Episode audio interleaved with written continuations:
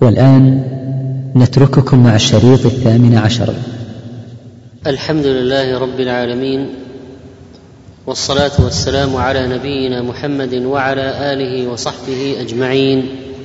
وبعد فقد قال الإمام الترمذي رحمه الله تعالى في كتابه الشمائل المحمدية عن سعد بن أبي وقاص رضي الله عنه قال إني لأول رجل أهراق دما في سبيل الله ولقد رأيتني أغزو في العصابة من أصحاب محمد صلى الله عليه وسلم ما نأكل إلا ورق الشجر والحبلة حتى إن أحدنا ليضع كما تضع الشاة أو البعير. وأصبحت بنو أسد يعزرونني في الدين لقد خبت اذا وضل عملي. وهذا الحديث قصته في البخاري ومسلم عن جابر بن سمرة رضي الله عنه قال في قصة اللوم والعيب الذي عيب به سعد ذكر جابر القصة شكى أهل الكوفة سعدا إلى عمر عمر رضي الله عنه استعمل الأمراء من الصحابة على البلدان المفتوحة. وهناك مدن بنيت وجعل عليها أمراء. والبصرة والكوفة مدن إسلامية ما كانت موجودة أيام الفرس أصلا لكن المسلمين هم الذين بنوها. فهم الذين خطوا البصرة وخطوا الكوفة.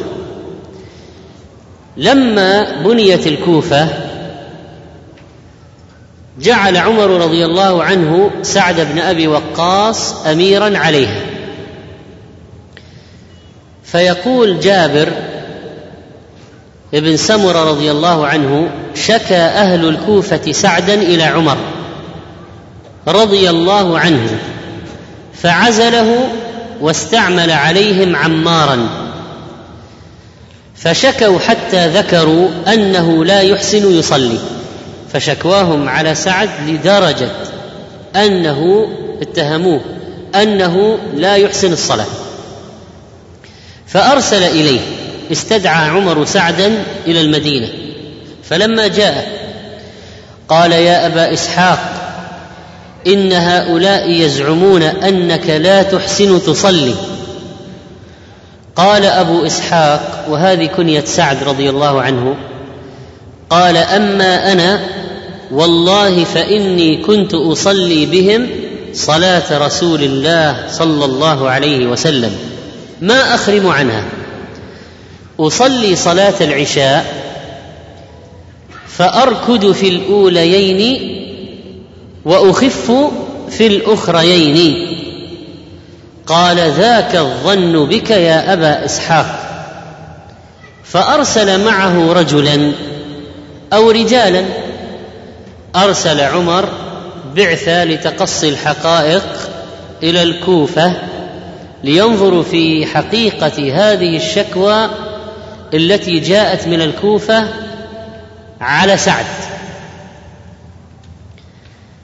فسأل عنه أهل الكوفة ولم يدع مسجدا إلا سأل عنه ويثنون معروفا حتى دخل مسجدا لبني عبس.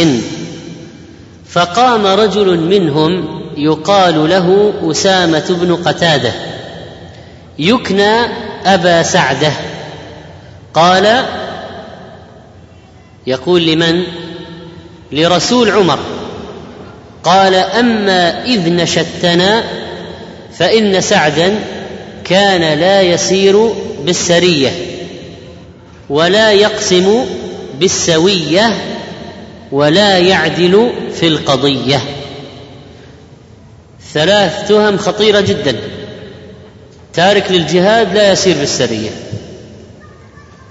جائر في القسمة ولو قسم غنائم أو غيرها لا يقسم بالسوية. وأيضا ظالم في القضاء لا يعدل في القضية. قال سعد لما سمع التهم هذه الفرى كل فرية أعظم من أختها. قال سعد أما والله لأدعون بثلاث.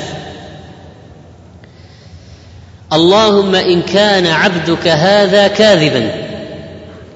قام رياء وسمعة فأطل عمره وأطل فقره وعرضه بالفتن. وكان بعد هذا الرجل وهو أبو سعدة أسامة بن قتادة المتهم المفتري.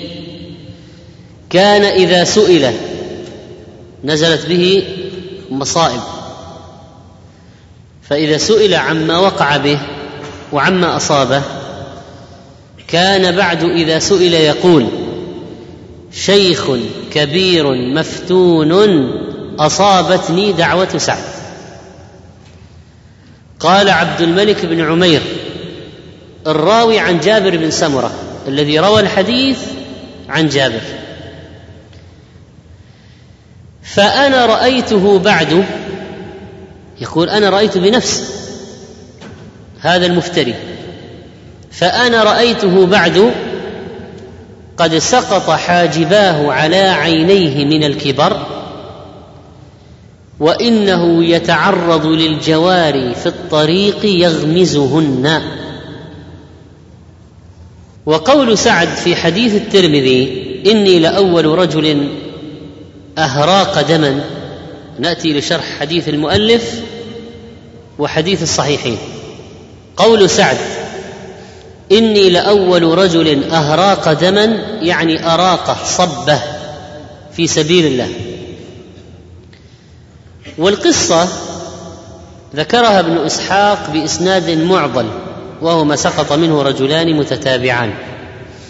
أن الصحابة كانوا في أول الإسلام يستخفون في صلاتهم لا يظهرونها. في مكة. فبينما سعد في نفر يصلي في شعب إذ طلع عليهم نفر من المشركين وهم يصلون. فعابوا عليهم بدأ المشركون يستهزئون بالمسلمين. واشتد الشقاق بينهم بين المسلمين مع سعد وبين المشركين. حتى تقاتلوا. كان من نتيجة القتال قال فضرب سعد رجلا منهم بلحي بعير فشجه فكان أول دم في الإسلام. أول دم أريق في سبيل الله أول دم من يد مسلم أراقة في سبيل الله الدم الذي أراقه سعد لهذا المشرك الخبيث الذي كان يستهزئ بصلاة المسلمين. أخذ لحي بعير فضربه به فشجه فأسال دم المشرك. طيب وقوله وإني لأول رجل رمى بسهم في سبيل الله. ما هي القصة؟ قال الحافظ ابن حجر رحمه الله كان ذلك في سرية عبيدة بن الحارث بن عبد المطلب.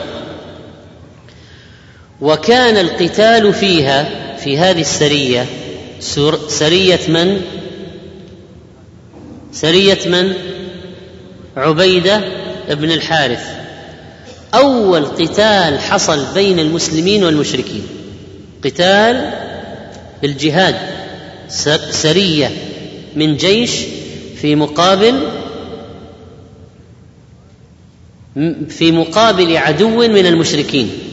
وكان القتال فيها أول حرب وقعت بين المشركين والمسلمين. وهي أول سرية بعثها رسول الله صلى الله عليه وسلم. عام كم بعثها؟ أول سرية خرجت في سبيل الله من المدينة. أول منازلة جهادية للمسلمين بعد الهجرة أول قتال قتال قتال جهاد. كانت سرية عبيده بن الحارث في السنة الأولى من الهجرة. بعث النبي صلى الله عليه وسلم ناسا من المسلمين إلى رابغ. رابغ بلدة معروفة وعندها ميقات من أهل الشام. هي أصلا ليست ميقات ليست ميقاتا ولكنها بمحاذاة الجحفة والجحفة ميقات أهل الشام. الجحفة الميقات الأصلي صار قرية مهجورة خرابا وليست على طريق مسافرين ولذلك صار الناس يحرمون من رابغ. لأنها بمحاذاة الجحفة وهي قريبة منها. بعث النبي صلى الله عليه وسلم ناسا من المسلمين إلى رابغ ليتلقوا عيرا لقريش. قافلة تجارية لقريش فيأخذ منها بعض ما سلبته قريش منهم مما استولى عليه الكفار في مكة. المسلمون لهم أموال ودور ممتلكات استولى عليها قريش. فالنبي صلى الله عليه وسلم أراد أن يستنقذ من الكفار بعض ما أخذوه من المسلمين بالإضافة إلى أن هؤلاء الكفار الآن هم محاربون وأموالهم حلال للمسلمين.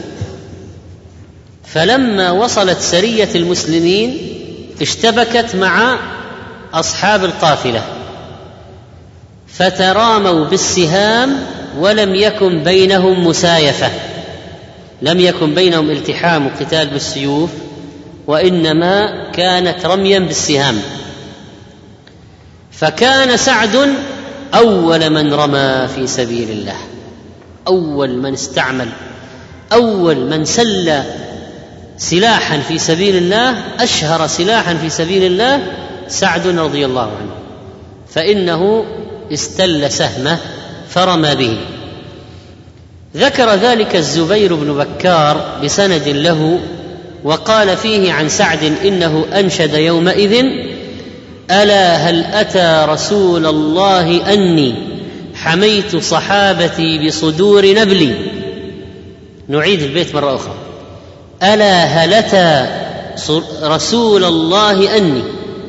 هي هل أتى؟ لكن تسهيل الهمزة لماذا؟ للض... إيه للوزن للوزن لأجل الوزن. ليستقيم وزن البيت على الأوزان الشعرية المعروفة. ألا هلتا رسول الله أني حميت صحابتي بصدور نبلي؟ وقد كان سعد ورفاقه رضي الله عنهم في هذه السرية كانوا ستين من المهاجرين. ليس فيهم أنصاري.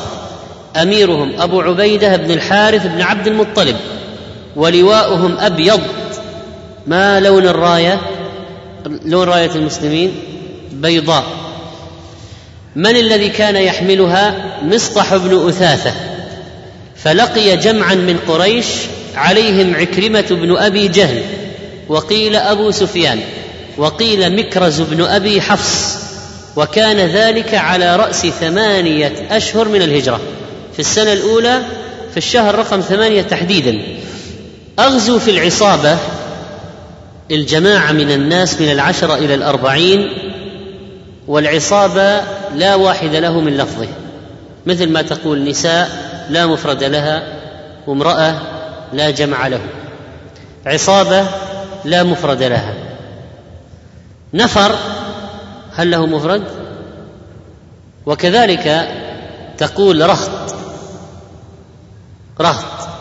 المهم كان في عصابة من المسلمين وهم الجماعة من الناس من العشرة إلى الأربعين. ولا وليس بالضرورة معنى كلمة عصابة أنهم اجتمعوا على الشر.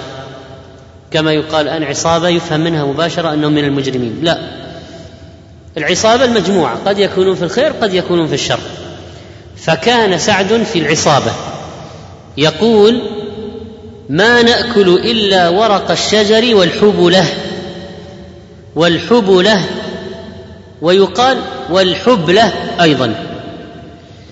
قال في النهاية والحبلة ثمر السمر يشبه اللوبياء وقيل هو ثمر العظاه قال حتى إن أحدنا ليضع كما تضع الشاة والبعير المقصود به الغائط.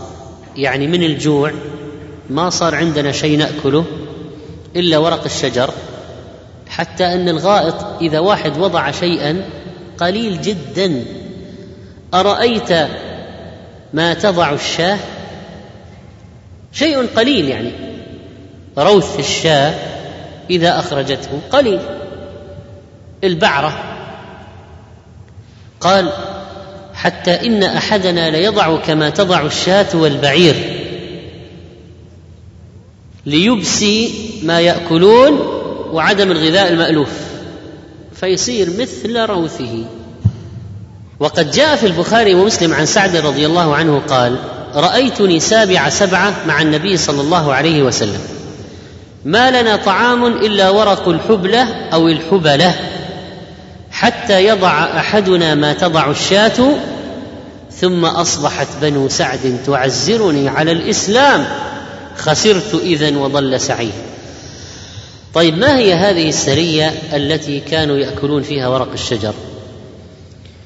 المشهور كما قال القاري رحمه الله أن ذلك كان في غزوة الخبط سنة ثمان وأميرهم أبو عبيدة وكانوا ثلاثمائة زودهم رسول الله صلى الله عليه وسلم جراب تمر فقط. ثلاثمائة واحد ما معهم إلا جراب تمر مع قائدهم أبي عبيدة. فكان أبو عبيدة يعطيهم حفنة حفنة من التمر. ثم قلل ذلك إلى أن صار يعطيهم تمرة تمرة حتى صاروا يمصونها كما يمص الصبي. من قلة الزاد صار يوزع الجيش تمرة تمرة.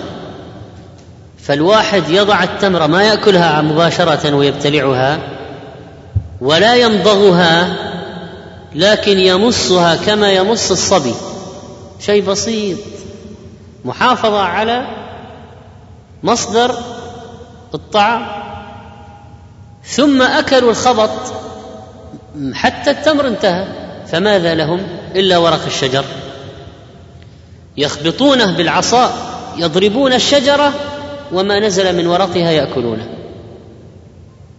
في سبيل الله هؤلاء أسلافنا أصحاب محمد صلى الله عليه وسلم هذا الذي وجدوه من الأكل على تمرة تمرة ثم على ورق الشجر. ثم الواحد ما يضع إلا كما تضع الشاة. من يبوسته وأكل خلاف المألوف. واليوم نحن ناكل ثلاثة وأربعة وخمسة وسبع أصناف خصوصا الآن على موائد الإفطار. عد كم صنف؟ وتمر. وأحيانا رطب وتمر. وأحيانا تمر. سكري وخلاص و... وع... وشيش وعدة أشكال. ثم شوربات كذا نوع. وحلويات بأنواعها وقطايف و ثم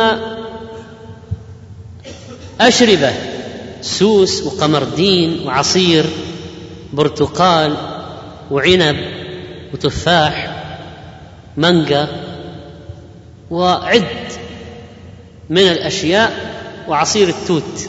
هذا يعني دليل على أن رمضان دخل فيمتو إذا خلص رمضان يخلص الكرتون. وبعد ذلك أنواع المعجنات فطاير. هذا ولسه كل الوجبة الوجبة الرئيسية ما جاءت. قالوا يسمونها بالإنجليزي مين كورس لسه هذا الرئيسي انظر عاد كم نوعا. الصحابة تمرة تمرة يمصها كما يمص الصبي ثم أكلوا الخبط الخبط ورق الشجر المتساقط. والشاهد من الحديث أصلا المصنف أراد من سياق الحديث أن يبين كيف كان عيش النبي صلى الله عليه وسلم وأصحابه. كيف كانوا يتحملون هذا الفقر والشدة ويجاهدون وهو ينامون يقولون ما في أكل ما في طاقة. جهاد. يعني أنت الآن إذا ذهبت إلى الحج ورأيت الناس من كل فج عميق ومن آخر الجزر والبلدان سود وبيض وحمر وصفر ما تأسست مملكة الإسلام بسهولة. هذا الجيل الذي أسس دولة الإسلام. نشروه في الأرض. وجعلوا جذوره قوية ضاربة. ولذلك لا يمكن أن تفنى هذه الأمة. لا بد. يبقى إلى قيام الساعة مسلمون.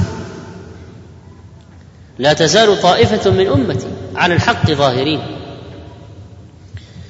فهكذا كانوا في ضيق العيش وقلة الطعام وترك الملذات وغزو الغزوات وفتح الفتوحات وتمصير الأمصار ونشر العدل ونشر العلم وإقامة الدين وإقامة الحدود وتعليم الناس والتحديث بالأحاديث وإقراء القرآن والقضاء وهكذا كان الصحابة رضوان الله عليهم.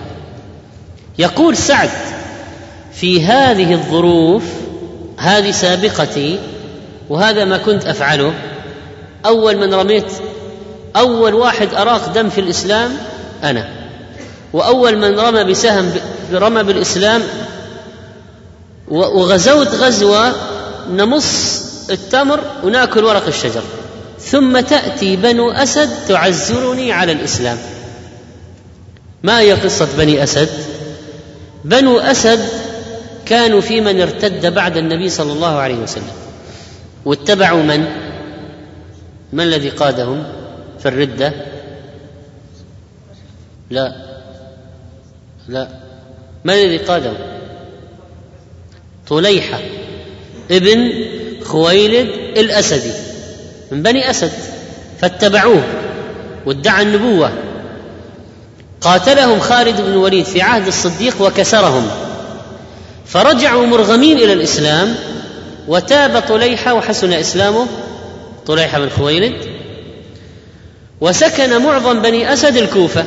وجاء حظ سعد أن يكون أميرا على الكوفة. فاشتكوه إلى عمر. وفيما ذكروا من الشكوى قالوا لا يحسن يصلي. فقال ما شاء الله أنا أول من رمى بسهم في الإسلام وأول من أراق دما في الإسلام وغزونا وأكلنا ورق الشجر لتأتي بنو سعد الآن تعزرني على ديني ويريدون أن يقيموني على الدين ويصلحونني ويقومونني بنو سعد بنو أسد هؤلاء. بنو أسد الآن تعزرني على الدين. تعزرني على الإسلام. ومعنى تعزر يعني تؤدب وتعلم. فقال الآن هذا الآن يأتي هؤلاء ليعلموني أنا الإسلام. وأني لا أحسن الصلاة. لقد خبت اذا إذا أنا الآن في النهاية يعني بعد كل هذه السوابق وبعد ما بعد هذا الجهاد وهذه المشقات والصبر والتحمل وما بذلنا ثم تكون النتيجة في النهاية إني لا أحسن الصلاة حتى يأتي بنو أسد المرتدين قريبا كانوا مرتدين يعلموني أنا الصلاة ويقولون لا يحسن يصلي ويشتكون إلى عمر. لقد خبت اذا وضل عملي إذا أنا ما أحسن الصلاة كل اللي مضى فمات. إذا أنا ما أحسن الصلاة. قال بعض العلماء كيف ساغ لسعد أن يمدح نفسه؟ ومعلوم أن ترك مدح النفس من شأن المؤمن وأنه لا يسوغ للإنسان أصلا أن يمدح نفسه. لكن في مثل الحالة هذه يسوغ. إذا جاء الجهال يفترون ويتهمون البريء. لا ومن الذي يتكلم؟ ناس حديثو عهد بردة. مرتد كانوا مرتدين. وعلى من؟ على أحد العشرة؟ وابن عمة رسول الله صلى الله عليه وسلم. ومن السابقين الأولين ومن المهاجرين. وأول من رمى بسهم وأول من أراق دما. لا هنا الدفاع عن هنا التبيان مهم جدا.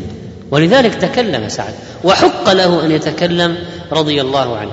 حتى يأتي هؤلاء الجهال يقولون عنه لا يحسن الصلاة فاضطر إلى ذكر بعض فضائله. أصلا ما ذكر كل فضائل ما ذكر لا عبادات ولا ذكر. وسعد عنده أشياء كثيرة جدا بس ضرب ثلاث أمثلة فقط. فقط ليبين يعني مقارنة بينه وبين هؤلاء الذين يقولون لا يحسن يصلي. ثم إن مقصوده رضي الله عنه ليس التفاخر. ولا التعالي وإنما إظهار الحق والتحدث بنعمة الله. والمدحة إذا خلت من البغي والاستطالة ودعت الحاجة إليها فلا بأس بها. يعني واحد أحيانا يضطر في أحيان خصوصا عندما يفترى عليه فيقول طيب أنا اللي كنت وكنت. مثل أحيانا أحيانا مثلا إذا عقك ابنك والعقوق العظيم فتقول له وأنا فعلت لك وسويت لك وانفقت عليك وصرفت عليك وسهرت عليك وحملتك مريضا وحملتك صغيرا حملتك و... ثم الآن هذا جزائي منك. فكونك تعدد بعض ما فعلته هذا ما هو من باب يعني التكبر والتعالي والتفاخر. هذا من باب وعظ هذا العاق كأنك تقول له يعني هذه هي النهاية والخاتمة؟ بعد كل ما عملت لك تقابلني بهذا؟ فمثل هذا يسوغ يعني له سبب له سبب. ما جاء بدون مناسبة واحد يتكلم عن آه، سوابقه ومفاخره ومآثره. وهذا يشبه ما قاله يوسف عليه السلام للملك إني حفيظ عليم. لأن بيان قدراته هنا مهم في إقناع الملك بتولية هذا المنصب الذي سيترتب عليه الخير العميم والنفع العظيم للبلاد والعباد. ومثل هذا ما قال علي مرة سلوني عن كتاب الله وقال ابن مسعود لو أعلم أحدا أعلم بكتاب الله مني لأتيته. وابن عباس يجلس مجلس يقول سلوني عما شئتم. سلوني قبل أن لا تسألوني يعني سلوني قبل أن تفقدوني. فمثل هذا يسوغ لأن له أسباب وجيهه وقوله ليضع كما تضع الشاة أو البعير ما له خلط يعني لا يختلط بعضه ببعض من شدة جفافه وتفتته. شفت بعر الشاة؟ لا يلتصق بعضه ببعض. البعرة والبعرة والبعرة منفصلة. للجفاف واليبوسة.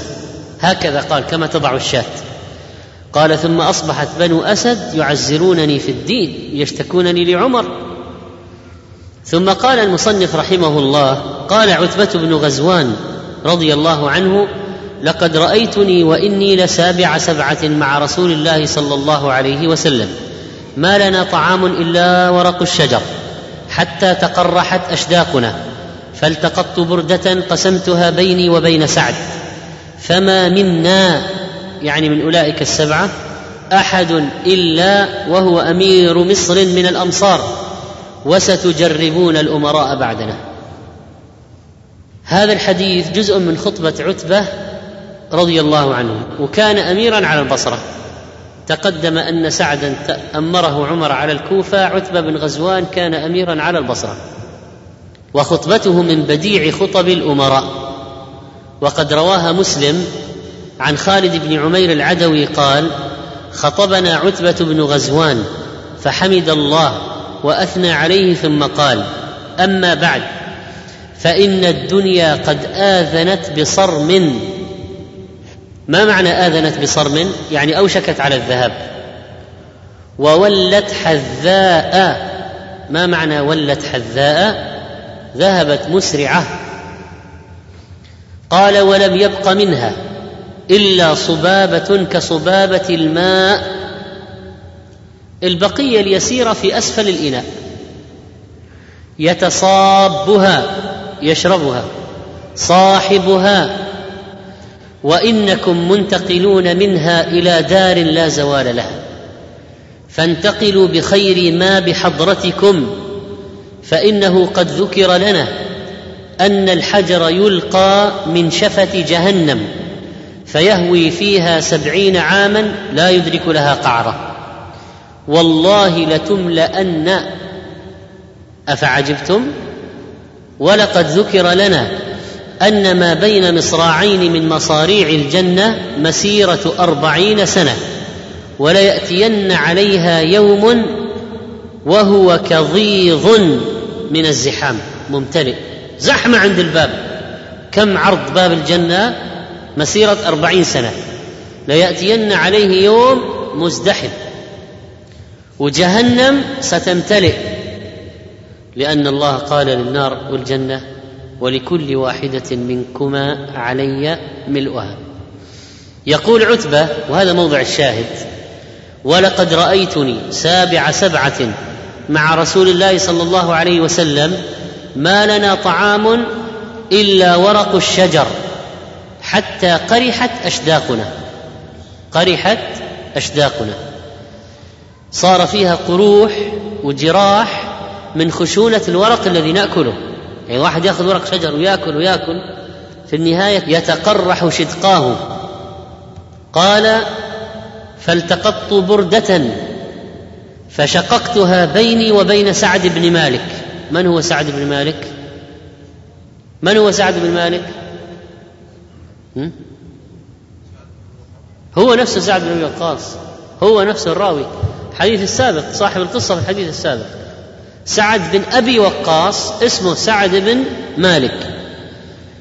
يقول فالتقطت بردة فشققتها بيني وبين سعد فاتزرت بنصفها جعلها إزارا على نصفه الأسفل واتزر سعد بنصفها. كان وصل الحال إلى درجة أكلنا ورق الشجر وتشققت وتجرحت أشداقنا وكان الإزار الواحد نقسمه بالنص. الأزرة الواحدة اللي تكون للواحد نقسمها بالنصف أنا وسعد كل واحد أخذ نصف إزار يستر به عورته. ثم قال فما أصبح اليوم منا أحد إلا أصبح أميرا على مصر من الامصار فتح الله عليهم. ما في واحد منهم إلا وهو أمير اليوم على مصر من الأمصار. هذا أمير على البصرة وهذا أمير على الكوفة وهذا أمير على وأمير أمراء على البلدان. وإني أعوذ بالله أن أكون في نفسي عظيما وعند الله صغيرا. وإنه لم تكن نبوة قط إلا تناسخت. زالت شيئا فشيئا تناسخت. حتى يكون آخر عاقبتها ملكا فستخبرون وتجربون الأمراء بعدنا. يقول نحن الآن أمراء عليكم. لكن سيأتيكم أخبار أمراء الآخرين وترون الفرق. فهذا يبين الشدة التي كان عليها الصحابة. وإلى أي درجة وصلت القضية؟ بهذه القلة والفقر وما صبروا عليه وجهاد. في سبيل الله. سابع سبعة. فهذا بعض ما كان عليه أصحاب النبي صلى الله عليه وسلم من كمال الزهد وخشونة العيش وعلو الهمة والقوة في الدين والصبر والجهاد ولم يقعد بهم الحال الشديد عن العمل للإسلام. شوف الآن نحن اليوم أموال وسيارات. وطيارات حسابات في البنوك وظائف شغل مدخرات مزارع. وإيش سوينا الإسلام؟ على على يعني الآن قارن إمكانات بامكانات الصحابة. إمكانات بامكانات الصحابة. إمكانات أين الذين يأكلون ورق الشجر؟ من الذي يأكل اليوم 13 نوع على على على طاولة الطعام؟ ومع ذلك هم ماذا عملوا؟ ونحن ماذا عملنا؟ يعني شيء مؤسف. وفي الحديث أن أولياء الله إذا اغتنوا بعد الفقر وأيسروا بعد العسر وانفرجت عليهم الأمور بعد الشدة لا يتغيرون. لا يتغيرون. وفي الحديث أن أولياء الله إذا اغتنوا بعد الفقر وأيسروا بعد العسر وانفرجت عليهم الأمور بعد الشدة لا يتغيرون. لا يتغيرون. هم في نصرتهم للدين وعملهم للإسلام والعبادة هم هم. بالعكس الواحد يخشى نفسه الفتنة ويقول إني أعوذ بالله أن أكون في نفسي عظيما وعند الله صغيرا أو حقيرا. وفي هذا الإشارة إلى فضل أصحاب النبي صلى الله عليه وسلم على من بعدهم. وإخبار بأن من بعدهم من الأمراء ليسوا في مثل الصحابة قال القاري رحمه الله فيه إخبار أن من بعدهم من الأمراء ليسوا على مثل الصحابة في العدالة والديانة والإعراض عن الدنيا الدنية والأغراض النفسية. وأشار إلى الفرق أنهم رأوا منه صلى الله عليه وسلم ما كان سببا لمجاهدتهم لأنفسهم وتقللهم من الدنيا والزهد فيها فمضوا على ذلك. أما غيرهم فليس كذلك. قال وعن أنس رضي الله عنه قال قال رسول الله صلى الله عليه وسلم لقد أخفت في الله وما يخاف أحد ولقد أوذيت في الله وما يؤذى أحد ولقد أتت علي ثلاثون من بين يوم وليلة وما لي ولبلال طعام يأكله ذو كبد إلا شيء يواريه إبط بلال. يقول تعرضت لأنواع من التهديد والوعيد والتعذيب تعرضت للقتل وما تركت الدين. اخفت في الله بسبب إظهار الدين.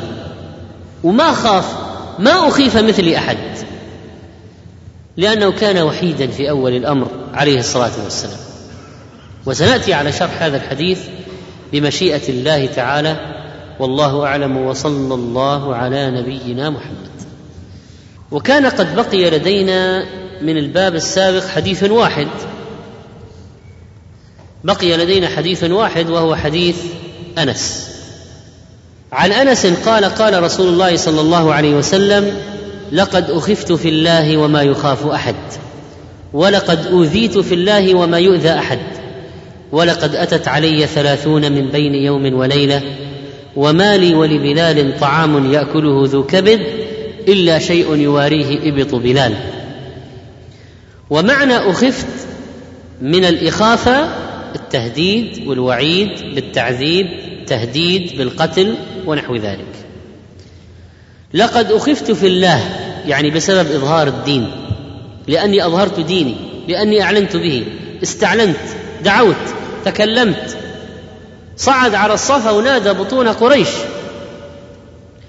تسببت هذه الدعوة العلنية في إيذائه عليه الصلاة والسلام إيذاء عظيما ومن ذلك الإخافة. قال لقد أخفت في الله وما يخاف أحد. تهديد وعيد له ما نال أحدا مثله. قال وما يخاف أحد ما يخوف أحد غيري مثل ما أخفت. فتعرض عليه الصلاة والسلام للإرهاب. أرهب أخيف. لكن ما خاف ولا رهب لأنه يعني لأنه يسمع قول الله تعالى فلا تخافوهم وخافوني. وإياي فارهبون يعني لا ترهبوا غيري. وكان عليه الصلاة والسلام وحيدا في ابتداء الدين ولم يكن معه أحد يوافقه في تحمل أذية الكفار. ولذلك في وقت مر عليه كان وحيدا يتحمل الإخافات ويتحمل التهديدات والوعيد. يتحمل ما أرهبه الكفار به ولكنه عليه الصلاة والسلام صبر. قال ولقد أوذيت من الإيذاء بالفعل بعد التخويف بالقول حصل إيذاء عملي. فقول أخفت في الله لما كانت المسألة مسألة ترهيب بالكلام. لكن بعد ذلك تحولت القضية إلى إيذاء بالفعل بالإضافة للقول. ولقد أوذيت في الله وما يؤذى أحد. أوذيت في الله يعني لإظهار دين الله وإعلاء كلمة الله. ولم يؤذى أحد مثلي في ذلك الزمان. آذوه بعدة أشياء. بالكلام قالوا ساحر كاهن شاعر معلم مجنون به جنة. صرعه جني ركبه الجني مسه جني. مجنون فقد عقله كذاب ساحر كاهن شاعر. وليس أشد على الصادق أن يقال عنه كذاب ولا على الأمين من أن يقال عنه خائن. إذ هذا الإيذاء بالكلام والإيذاء قالوا معلم يعلمه بشر. هذا ليس بوحي. يأخذ من ناس يعلمونه إياه. معلم. معلم مجنون. وهم يقولون عنه شاعر وهم يعلمون الشعر وأنهم كذابون فيما يتهمونه به فإنه ليس بشاعر. قال ولقد أوذيت في الله ولم يؤذ أحد. والأذية بالأفعال غير الأذية بالأقوال ضربوه. سبوه شتموه ضربوه. حفروا الحفرة أوقعوه فيها. حاصروه في الشعب جوعوه. هذا من الإيذاء. وكذلك خنقوه. فقام ذلك الكافر لف الثوب على رقبته يخنقه. فقام أبو بكر يدافع عنه ويبكي ويقول أتقتلون رجلا؟ أن يقول ربي الله. خنق النبي عليه الصلاة والسلام خنق كاد أن يقتل. وإذ يمكر بك الذين كفروا ليثبتوك إقامة جبرية. أو يقتلوك أو يخرجوك من البلد. مكر مكر الليل والنهار. يقول ولقد أتت علي مرت ثلاثون من بين يوم وليلة. ثلاثون متواترة. لا ينقص منها شيء ثلاثون. أتت علي ثلاثون من بين يوم وليلة. يحدث عن عن بعض ما لقيه. وما لي ولبلال طعام يأكله ذو كبد حتى الحيوان. إلا شيء قليل جدا يواريه يستره ويغطيه. إبط بلال الإبط ما تحت المنكب. فكأنه يقول بلال كان رفيقي في ذلك الوقت وما كان لنا من طعام إلا شيء قليل بقدر ما يأخذ بلال تحت إبطه. والشيء الذي يواريه الإبط قليل. ماذا تستطيع أن تخبئ تحت إبطك؟ قليل جدا. قال الترمذي رحمه الله بعدما روى الحديث ومعنى هذا الحديث حين خرج النبي صلى الله عليه وسلم هاربا من مكة ومعه بلال إنما كان مع بلال من الطعام ما يحمله تحت إبطه. قال المبارك فوري في التحفة قال في اللمعات قوله ومعه بلال أفاد أن هذا الخروج غير الهجرة إلى المدينة لأنه لم يكن معه بلال فيها. فلعل المراد خروجه صلى الله عليه وسلم هاربا من مكة في ابتداء أمره إلى الطائف إلى عبد كلال رئيس أهل الطائف. ليحميه من كفار مكة حتى يؤدي رسالة ربه. فسلط على النبي صلى الله عليه وسلم صبيانه فرموه بالحجارة حتى أدموا كعبيه صلى الله عليه وسلم. وكان معه في هذه الرحلة زيد بن حارثة لا بلال. ولكن يحتمل أن يكون معه بلال أيضا أو أن يكون الخروج تعدد. فمرة خرج مع بلال مرة خرج مع زيد بن حارثة. وليس المقصود الخروج إلى المدينة الهجرة المعروفة. هذا بعض ما لقيه النبي صلى الله عليه وسلم من الأذى وفيها منقبة عظيمة لبلال حيث تشرف بصحبة النبي صلى الله عليه وسلم والصبر معه على هذه الأحوال. وهذا ما كان عليه صلى الله عليه وسلم من كمال الزهد وخشونة العيش. وفي هذا الحديث تسلية للغرباء في هذا الزمان فإن هذا الزمان قد شن الأعداء فيه على المسلمين الإرهاب. يرهبون الدعاة يرهبون المتصدقين يرهبون العابدين. حتى صار الإسلام نفسه تهمة. في كثير من البلدان صار الإسلام نفسه تهمة. يعني كونك مسلم أنت متهم. لأنك مسلم. حتى لو ما فعلت شيئا لأحد. فإذا كنت تدعو يقال أنت تدعو إلى دين الإرهاب.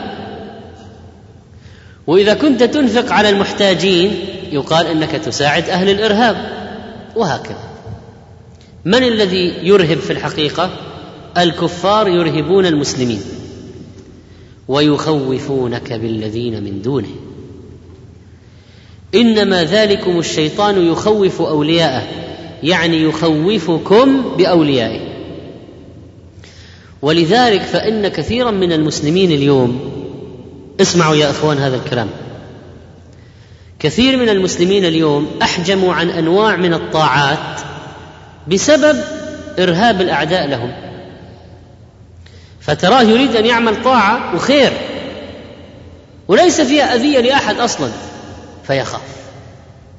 يخاف أن يتصدق يخاف أن يدعو يخاف أن ينكر منكرا يخاف أن يصلي في بعض الأماكن يخاف أن يصلي يخاف أن يقال عنه مسلم يخاف أن يقول إن اسمه أحمد أو محمد أو عبد الله ونحو ذلك. يخاف. فوصل الحال بالإخافة من الأعداء. للمسلمين لدرجة أن بعض المسلمين صار يشعر أن الإسلام عبء عليه. ولماذا يكون ذلك؟ هذه مفخرة. هو سماكم المسلمين من قبل. إن الدين عند الله الإسلام ومن يبتغي غير الإسلام دينا فلن يقبل منه فلن يقبل منه. وإذا كان الدين غريبا فإن غربة الدين هذه من مظاهرها قلة أهل الحق عداوة أهل الباطل شدة عداوة أهل الباطل شدة الإيذاء. فما هو واجبنا؟ يعني النبي عليه الصلاة والسلام قال أخفت في الله أوذيت في الله.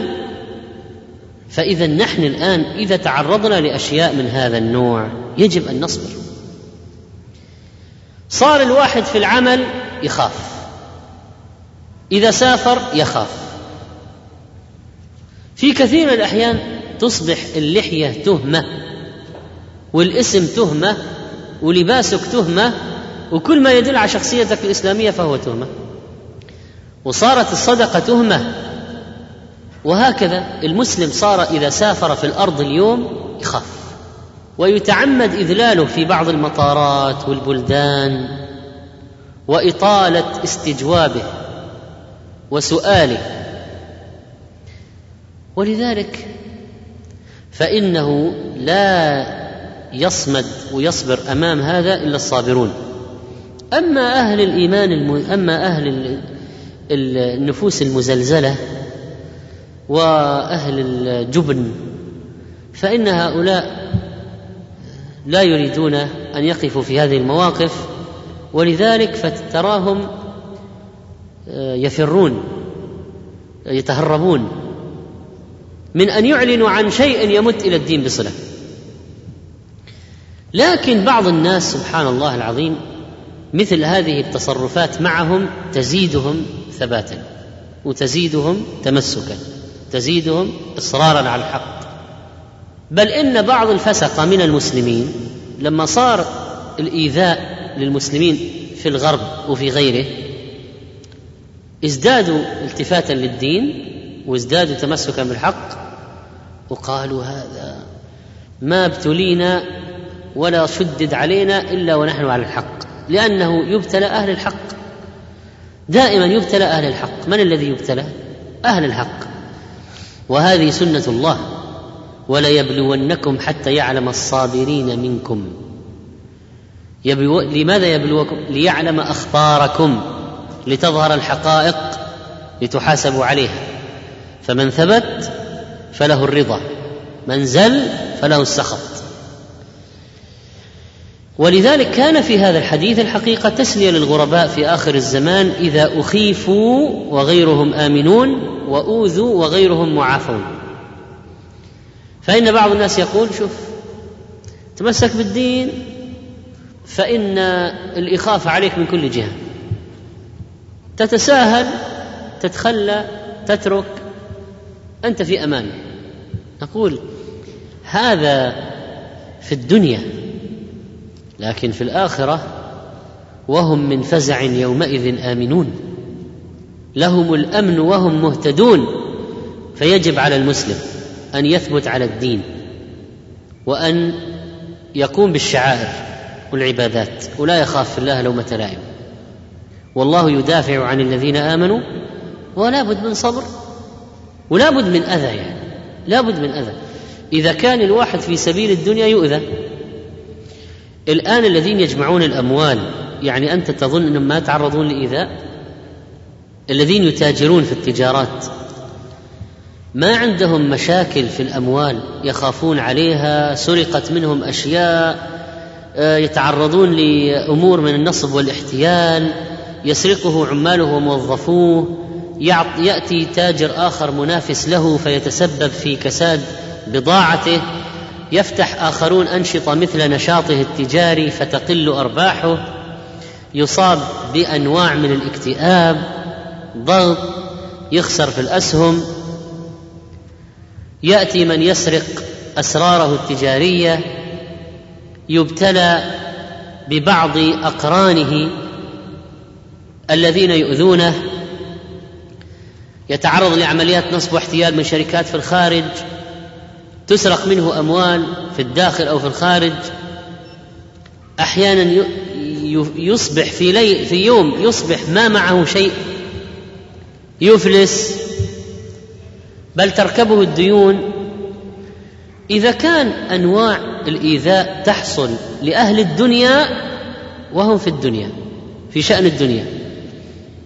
ومع ذلك يقول صبرت وكافحت وكدحت حتى ثبت نفسي في السوق. طيب أهل الإيمان أولى بهذا. يعني أنت تظن يعني أهل الدنيا ما ارتفع عندهم الضغط ما يصابوا بالسكري ما يصاب بالاكتئاب ما تصيبهم إحباطات نفسية ما تصيبهم اضطرابات عصبية. هذه الأسهم الآن. هذه الأسهم يخسر في السهم جلطة سكتة انهيار عصبي مستشفى عيادات نفسية. بل ربما يخرج انسان عن طوره حدثوا أن أحد هؤلاء الذين يضاربون في الأسهم في صاله الأسهم والكمبيوتر ولما انخفضت الأسهم وبلغ حال عصبية وفجاه خسر المال أمام الناس يعني من العصبية والغضب. تبول على الجهاز أمام الناس. فإذا كان أهل الدنيا أهل الدنيا يتعرضون لإيذاءات كثيرة في هذه في جمع الأموال. ومع ذلك يقولون ولازم تصبر. طيب نحن أولى في الدين أن نصبر ونثبت حتى نصل حتى نرسخ أنفسنا على طريق الإيمان. وصبرنا للدين ينبغي أن يكون أكبر من صبرنا للدنيا. أما نقول الدنيا نشتغل عشر ساعات و12 ساعة و15 ساعة لإثبات الجدارة. ونصبر على إيذاء الموظفين وفي ناس يكيدون لك في العمل وفي الشركة يبلغون عنك المدير بأشياء باطلة وهذا يحفر لهذا وهذا يحسد هذا وهذا يريد أن يفصل هذا من الشركة وهذا بقي حتى أخرج فلان من منصبه وهذا استولى على مركز هذا وهذا أخرج هذا وهذا س... إذا كان هذه أحوال المهن الدنيوية الدنيا هذه الشركات مليئة بالبغضاء وبالحسد وبالحقد وبالتنافس غير الشريف. أليس كذلك؟ الدنيا الدين أولى. ان نصبر لأجله. إذا كانت الدنيا فيها هذه الأشياء التي ترفع الضغط تثير الأعصاب. فإذا ابتليت في الدين أولى أن تصبر. نسأل الله تعالى أن يجعلنا صابرين ثابتين على الحق. إنه سميع مجيب. الحمد لله رب العالمين وصلى الله على نبينا محمد وعلى آله وصحبه أجمعين. وبعد فقد قال الإمام الترمذي رحمه الله تعالى في كتابه الشمائل المحمدية باب ما جاء في سن رسول الله صلى الله عليه وسلم يعني مقدار عمره الشريف. عن ابن عباس رضي الله عنهما قال مكث النبي صلى الله عليه وسلم بمكة ثلاث عشرة سنة يوحى إليه. وبالمدينة عشرا وتوفي وهو ابن ثلاث وستين. رواه البخاري ومسلم. مكث النبي صلى الله عليه وسلم بمكة ثلاث عشرة سنة يعني بعد البعثة وإلا هو في مكة أربعين سنة قبل البعثة. لكن مكث عشرا بعدها بمكة. فقوله إذن مكث النبي صلى الله عليه وسلم بمكة ثلاث عشرة مكث بعد الأربعين ثلاث عشرة بمكة. فقوله مكث النبي صلى الله عليه وسلم بمكة ثلاث عشرة سنة وضح ذلك بقوله يوحى إليه. فهو مكث قبلها أربعين سنة لا يوحى إليه. بعد الأربعين مكث بمكة ثلاث عشرة سنة يوحى إليه.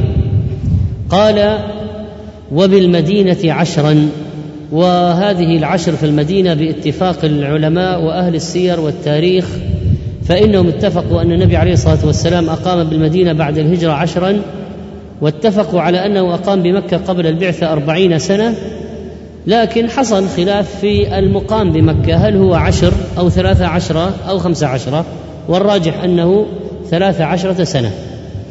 قوله وتوفي وهو ابن ثلاث وستين سنة وهذه أصح الروايات في عمر النبي عليه الصلاة والسلام. ثم قال رحمه الله عن جرير بن معاوية رضي الله عنه أنه سمعه يخطب قال مات رسول الله صلى الله عليه وسلم وهو ابن ثلاث وستين وأبو بكر وعمر وأنا ابن ثلاث وستين رواه مسلم. وقوله وأبو بكر وعمر يعني كذلك مات أبو بكر في الثالثة والستين ومات عمر وهو في الثالثة والستين فكل من هؤلاء الثلاثة النبي عليه الصلاة والسلام وأبو بكر وعمر عمر ثلاثا وستين. وأما عثمان رضي الله عنه فقد طال عمره وأما علي رضي الله عنه فكان مثل من سبقه ثلاثا وستين. فسبحان الله الذي ساوى بين أعمارهم عند وفاتهم. وقوله وأنا ابن ثلاث وستين الذي يتكلم من هو؟ راوي الحديث من هو؟ جرير بن معاوية رضي الله عنه. فجرير يقول لما روى الحديث يقول وأنا ابن ثلاث وستين يعني وأنا أتوقع أن أموت في هذا السن موافقة لهم. ولكنه رضي الله عنه عمر حتى بلغ ثمانين سنة. قريب الثمانين. وهذا يبين حب معاوية رضي الله عنه. نعم. الصحابي مرة أخرى معاوية عن جرير عن معاوية ومعاوية هو ابن أبي سفيان رضي الله عنه. فيقول وأنا ابن ثلاث وستين يعني وأنا متوقع أن أموت في هذا السن موافقة لهم. ولكن معاوية لم يمت إلا وهو قريب من الثمانين. ويستفاد من هذا حب معاوية رضي الله عنه للنبي صلى الله عليه وسلم وأنه أحب أن يكون عمره موافقا لعمره عليه الصلاة والسلام. ثم قال عن عائشة رضي الله عنها أن النبي صلى الله عليه وسلم مات وهو ابن ثلاث وستين سنة رواه البخاري ومسلم. ورواية عائشة هذه ما عليه جمهور العلماء من أن عمر النبي عليه الصلاة والسلام ثلاثا وستين. ثم قال عن عمار مولى بني هاشم قال سمعت ابن عباس رضي الله عنه يقول توفي رسول الله صلى الله عليه وسلم وهو ابن خمس وستين. رواه مسلم.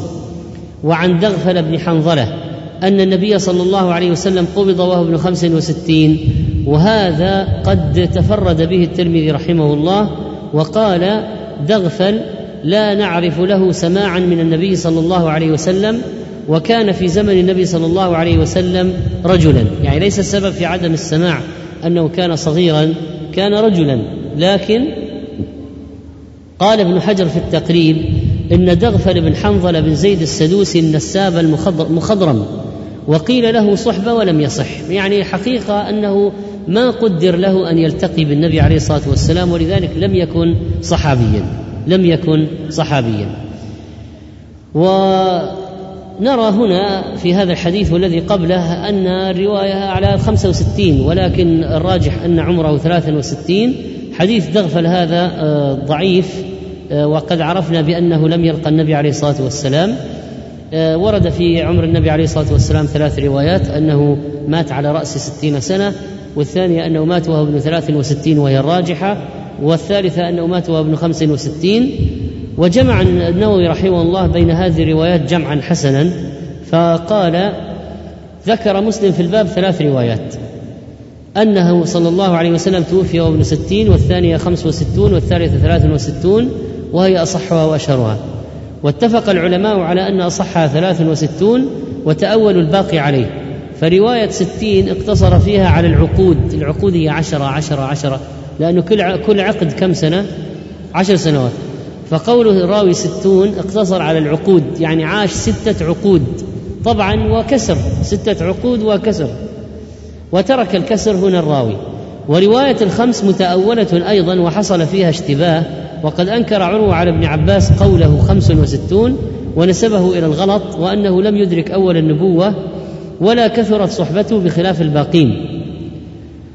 وقال النووي رحمه الله وولد عام الفيل على الصحيح المشهور. إذا النبي صلى الله عليه وسلم متى ولد؟ متى ولد صلى الله عليه وسلم؟ عام الفيل.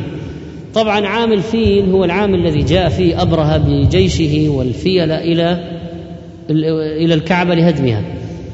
وكان ذلك حدثا مشهورا جدا لأن هذا الحدث وهو مجيء جيش أبرهة بالفيل كان شيئا عند العرب آه، من العجب فلما قتل هو وجيشه بالطريقة الأعجب وهي بالحجارة من سجيل بهذه الموجات المتتابعة من الطيور التي تحمل في أجنحتها وأرجلها أو مناقيرها تحمل هذه الحجارة وترميهم بها فإن هذه الطريقة في قتل هؤلاء قصفا من الجو.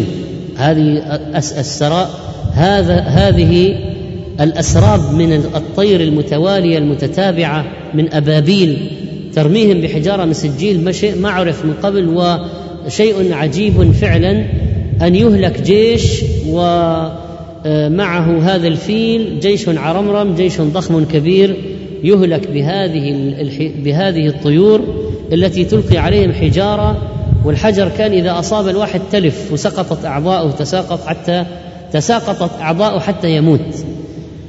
ولذلك الحدث هذا كان حدثا ضخما جدا وهذه السنة حتى صارت العرب تؤرخ فيها سنة الفيل سنة الفيل وسنة إهلاك أصحاب الفيل ويقولون عام الفيل وعام الفيل. كانت هذه الحادثة تسليط أضواء عظيمة جدا على على مكة وبيان منزلة قريش بين العرب. فالناس الآن صاروا ينظرون حتى من غير حتى خارج الجزيرة العربية لأنهم سمعوا بالحدث العجيب هذا وتناقل الأخبار وصلتهم الأخبار. فالناس الآن صاروا نفس العام هذا الذي ولد فيه النبي عليه الصلاة والسلام فكأن أنظار العالم قد لفتت إلى هذه البلدة الأمين بلد البلد الأمين في هذا العام وصارت وصار هذا العام الآن يعني عاما يؤرخ به ولد النبي عليه الصلاة والسلام في هذا العام. إذا كان توطئة و آه، الله سبحانه وتعالى وطأ لنبيه بأشياء كثيرة. منها عام الفيل ومنها الرؤى التي كانت ترى ومنها كلام الرهبان وحتى الذين كانوا يسترقون الخبر من السماء. يعني هناك أشياء كثيرة جدا من البشائر وأشياء من الأخبار من العجائب التي جعلت أو صار بها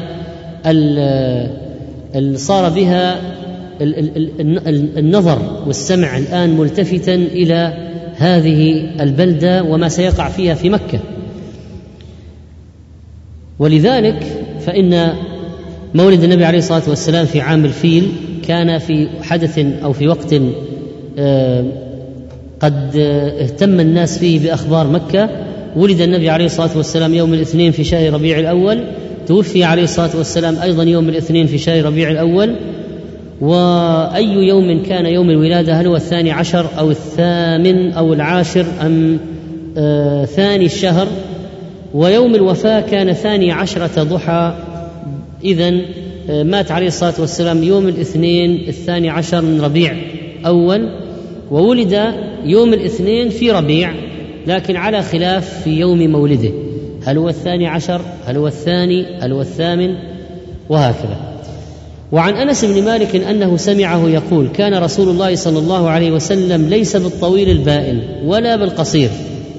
كان عليه الصلاة والسلام ليس بالطويل البائن ولا بالقصير ولا بالأبيض الأمهق ولا بالآدم ولا بالجعد القطط ولا بالسبط بعثه الله تعالى على رأس أربعين سنة فأقام بمكة عشر سنين وبالمدينة عشر سنين وتوفاه الله على رأس ستين للهسنة وليس في لح رأسه ولحيته عشرون شعرة بيضاء. رواه البخاري ومسلم.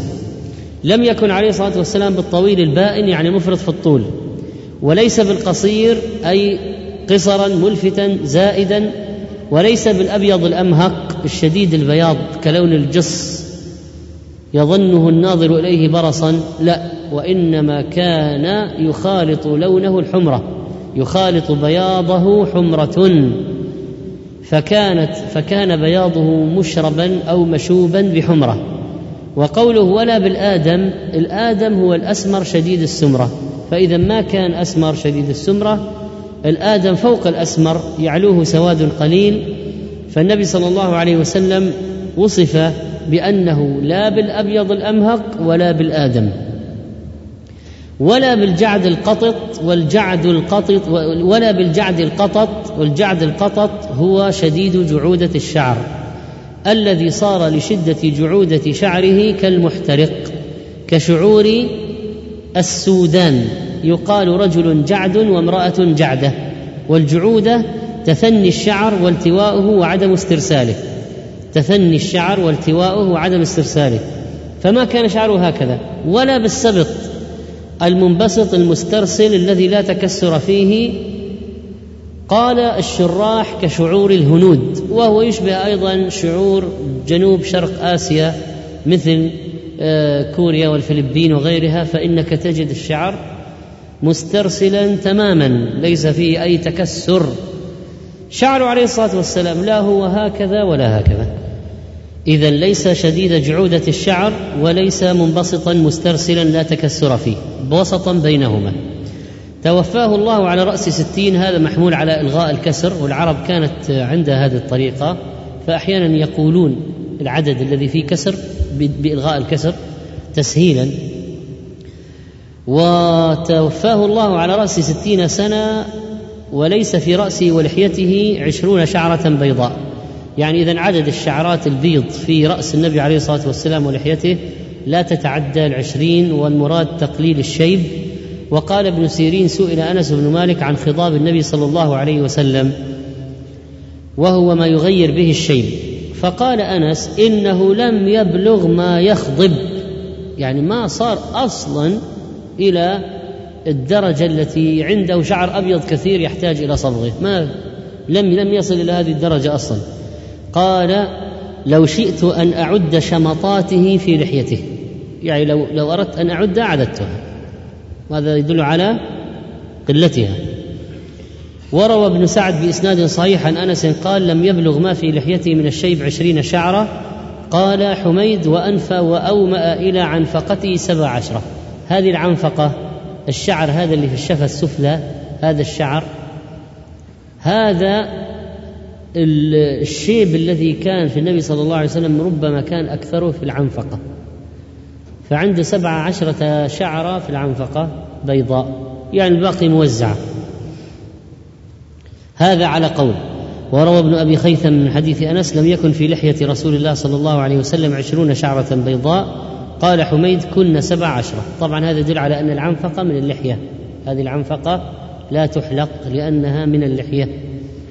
وروى الحاكم في المستدرك من طريق عبد الله بن محمد بن عقيل عن أنس قال لو عددت ما أقبل من شيبه في رأسه ولحيته ما كنت ازيدهن ما كنت أزيدهن على إحدى عشرة. فهذه الروايات عن أنس كلها تدل على أن شعراته البيض لم تبلغ عشرين شعرة والرواية الثانية توضح انها ما دون العشرين سواء كانت سبع عشره أو ثمان عشره وفي الحديث أن النبي صلى الله عليه وسلم مات ولم يكن قد شاب من شعره إلا قليلا. ثم قال رحمه الله باب ما جاء في وفاة رسول الله صلى الله عليه وسلم